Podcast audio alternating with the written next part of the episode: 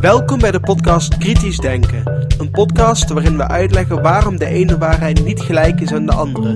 En hoe je kunt vaststellen waarom de ene waarheid juister is dan de andere. Waar we uitleggen waarom het belangrijk is om alles kritisch te bekijken. Ook deze podcast. Goeiedag, het is vandaag zondag 5 september 2010. Ik ben Jozef van Giel en dit is de 64ste aflevering van deze podcast. Vandaag spreken we over de gevaren van wetenschapsontkenning.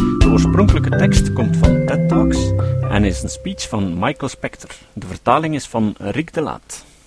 De generiek van deze podcast is van Nick Lucassen. Het gevaar van wetenschapsontkenning.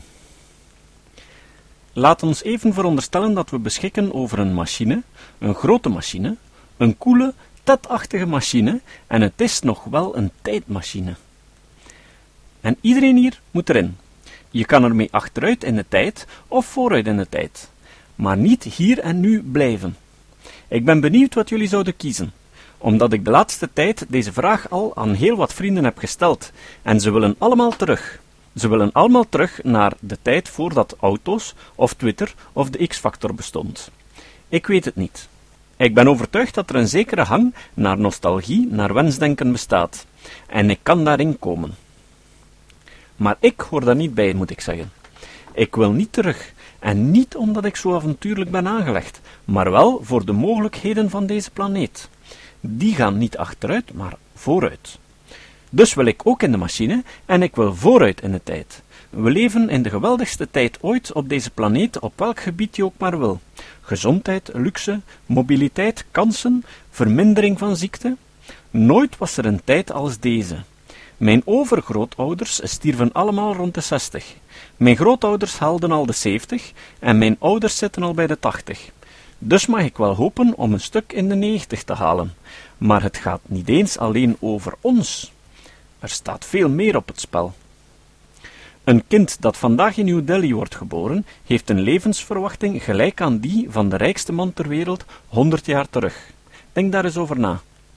Dat is een ongelooflijk feit. En waarom is dat waar? De pokken. De pokken hebben miljarden mensen op deze planeet van het leven beroofd. Ze hadden een invloed op de demografie van deze wereld groter dan die van eender welke oorlog. Maar ze bestaan niet meer. Ze zijn weg. We hebben ze overwonnen. Poef! In de rijkere wereld bestaan ziekten die een generatie geleden miljoenen mensen bedreigden, zo goed als niet meer. Difterie, rode hond, kinderverlamming. Weet iemand hier nog wat dat was?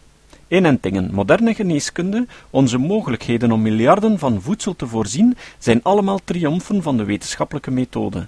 En voor mij is de wetenschappelijke methode het uitproberen van dingen, zien of het werkt en het laten vallen indien niet. Een van de grootste verwezenlijkingen van de mensheid. Dat is het goede nieuws. Maar spijtig genoeg is dat het enige goede nieuws, want er zijn nog een aantal andere problemen.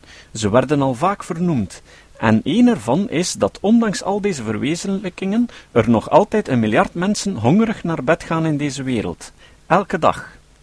Hun aantal neemt toe, en het neemt snel toe, en dat is een schande. En niet alleen dat, we hebben ook nog eens onze verbeelding gebruikt om deze wereld grondig te vervuilen.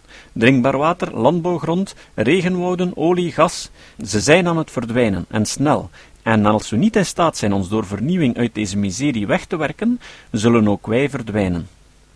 De vraag is dus: kunnen we dat? Ik denk van wel. Ik denk dat het duidelijk is dat we in staat zijn om voor voedsel voor miljarden jaren te zorgen, zonder het land waarop we leven uitputten. Ik denk dat we deze wereld van energievormen kunnen voorzien die hen niet naar de haaien helpt. Ik geloof dat echt. En nee, dat is geen wensdenken. Maar nu komt dat waarvan ik s'nachts wakker lig. Een van de dingen waar ik s'nachts van wakker lig. Nooit zijn we zo afhankelijk geweest van wetenschappelijke vooruitgang. Nooit en nooit zijn we in staat geweest om ervan gebruik te maken zoals we dat vandaag doen. We staan op de drempel van de meest verbazingwekkende vooruitgang op allerlei gebieden. En toch denk ik echt dat we honderden jaren, zeg maar 300 jaar, moeten teruggaan tot de tijd van de verlichting, om een tijd te vinden dat we ons zo tegen vooruitgang keerden, dat we deze vernieuwingen hartstochtelijker en op meer gebieden bevochten dan vandaag. Mensen hangen hun geloofspunten met zo'n hartstocht aan dat het haast onmogelijk is om ze ervan af te brengen. Zelfs klaarblijkelijke waarheden zijn daar niet toe in staat. En luister, iedereen heeft recht op zijn eigen mening. Iedereen heeft zelfs het recht op een eigen mening over wat vooruitgang is. Maar weet je waar je geen recht op hebt? Je hebt geen recht op je eigen feiten. Nee, dat heb je niet. En ik heb er een tijdje over gedaan om me dat te realiseren. Een tiental jaren geleden schreef ik een verhaal over inentingen voor The New Yorker. Een kort verhaal. Ik was verbaasd tegenstand te ondervinden tegen wat in feite de meest effectieve maatregel voor de publieke gezondheid in de geschiedenis was.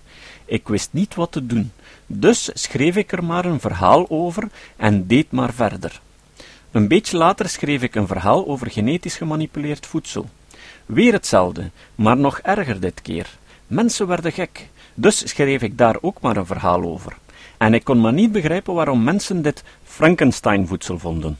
Waarom ze dachten dat het manipuleren van moleculen op een gerichte in plaats van een toevallige wijze een overtreding tegen de natuur was. Maar weet je, ik doe wat ik doe. Ik schreef een verhaal en ging over tot de orde van de dag. Ik ben nu eenmaal journalist. We typen, we dienen het in, we gaan eten en dat is het dan. Maar deze verhalen bleven me bezighouden. Ik kon maar niet uitmaken waarom, maar ten lange leste wel. En wel omdat die fanatici, die me gek maakten, in feite helemaal geen fanatici waren. Ze waren bedachtzaam, wel opgevoed, fatsoenlijk, net zoals de mensen in deze zaal. En het was net dat wat me zo stoorde. Maar toen dacht ik, weet je, laten we even eerlijk zijn. We zijn op een ogenblik in deze wereld gekomen waarop we niet meer dezelfde verhouding tot vooruitgang hebben als weleer. We spreken er tweeslachtig over. We spreken er ironisch over als tussen aanhalingstekens vooruitgang. Oké, daar zijn redenen toe, en ik denk ook dat we ze kennen. We zijn het geloof in instellingen verloren, in gezag en af en toe in de wetenschap zelf. En er is ook geen reden waarom niet. Je hoeft maar een paar namen te laten vallen en de mensen begrijpen het. Tsjernobyl, Bhopal, de Challenger, Vioxx, massavernietigingswapens, niet goed doorprikte ponskaarten. Ik bedoel maar, je kan zelf je lijstje samenstellen. Er zijn vragen en problemen met die mensen waarvan we dachten dat ze altijd gelijk hadden. Wees dus sceptisch. Stel vragen.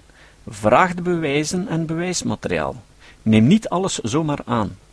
Maar nu komt het. Als je dan bewijzen krijgt, dan moet je ze ook aannemen. En daar zijn we niet zo goed in. En de reden dat ik dat kan zeggen, is dat we nu in een tot nog toe ongekende angstepidemie leven.